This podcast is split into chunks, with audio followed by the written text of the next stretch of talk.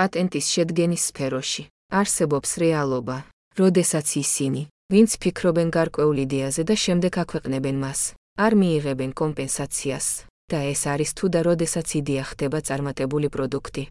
როგორც ცნობილია, ისინი, ვინც იღებენ ყველა ანაზღაურებას და კრედიტს, ერთი და იგივე ხალხია, ვინც მოიპარა იდეა და შეიმუშავა იგი, ხოლო იდეა, როგორც თავდაპირველი იდეა, წარმოაჩინონ. ეს, რა თქმა უნდა, იწევს უსამართლობას მათთვის, ვინც პირველ რიგში გაჩნდა იდეა. მე მოუწოდებ შექმნას კომპანია, რომელიც შეიმუშავებს სისტემას, რომელსაც ეწოდება პირთა უფლებების უფლება.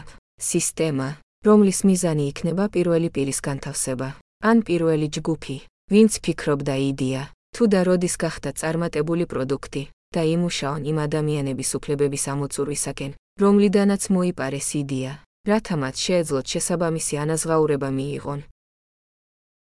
მე აღნიშნავ, რომ ერთი მე არ ვარ პროფესიონალი პატენტის რედაქტირების სფეროში. ორი, ეს მხოლოდ საწყისი იდეაა, რომელზეც ვფიქრობდი. სამი, მე ვარ ადამიანი, რომელიც ცხოვრობს ძალიან დაბალი შემოსავლით. ინვალიდობის შემწეობა ეროვნული დაზღვევის ინსტიტუტისგან და მე ვერ ვახერხებ ფულის ინვესტირებას ასეთი პროგრამული უზრუნველყოფის ან სისტემის შემუშავებაში. 4 მე ვარ ადამიანი, რომელიც ცხოვრობს ძალიან დაბალი შემოსავლით. ინვალიდობის შემწეობა ეროვნული დაზღვევის ინსტიტუტისგან. ამიტომ, მე ვერ ვახერხებ რაიმე სახსრების ინვესტირებას ასეთი სისტემის შემუშავებაში.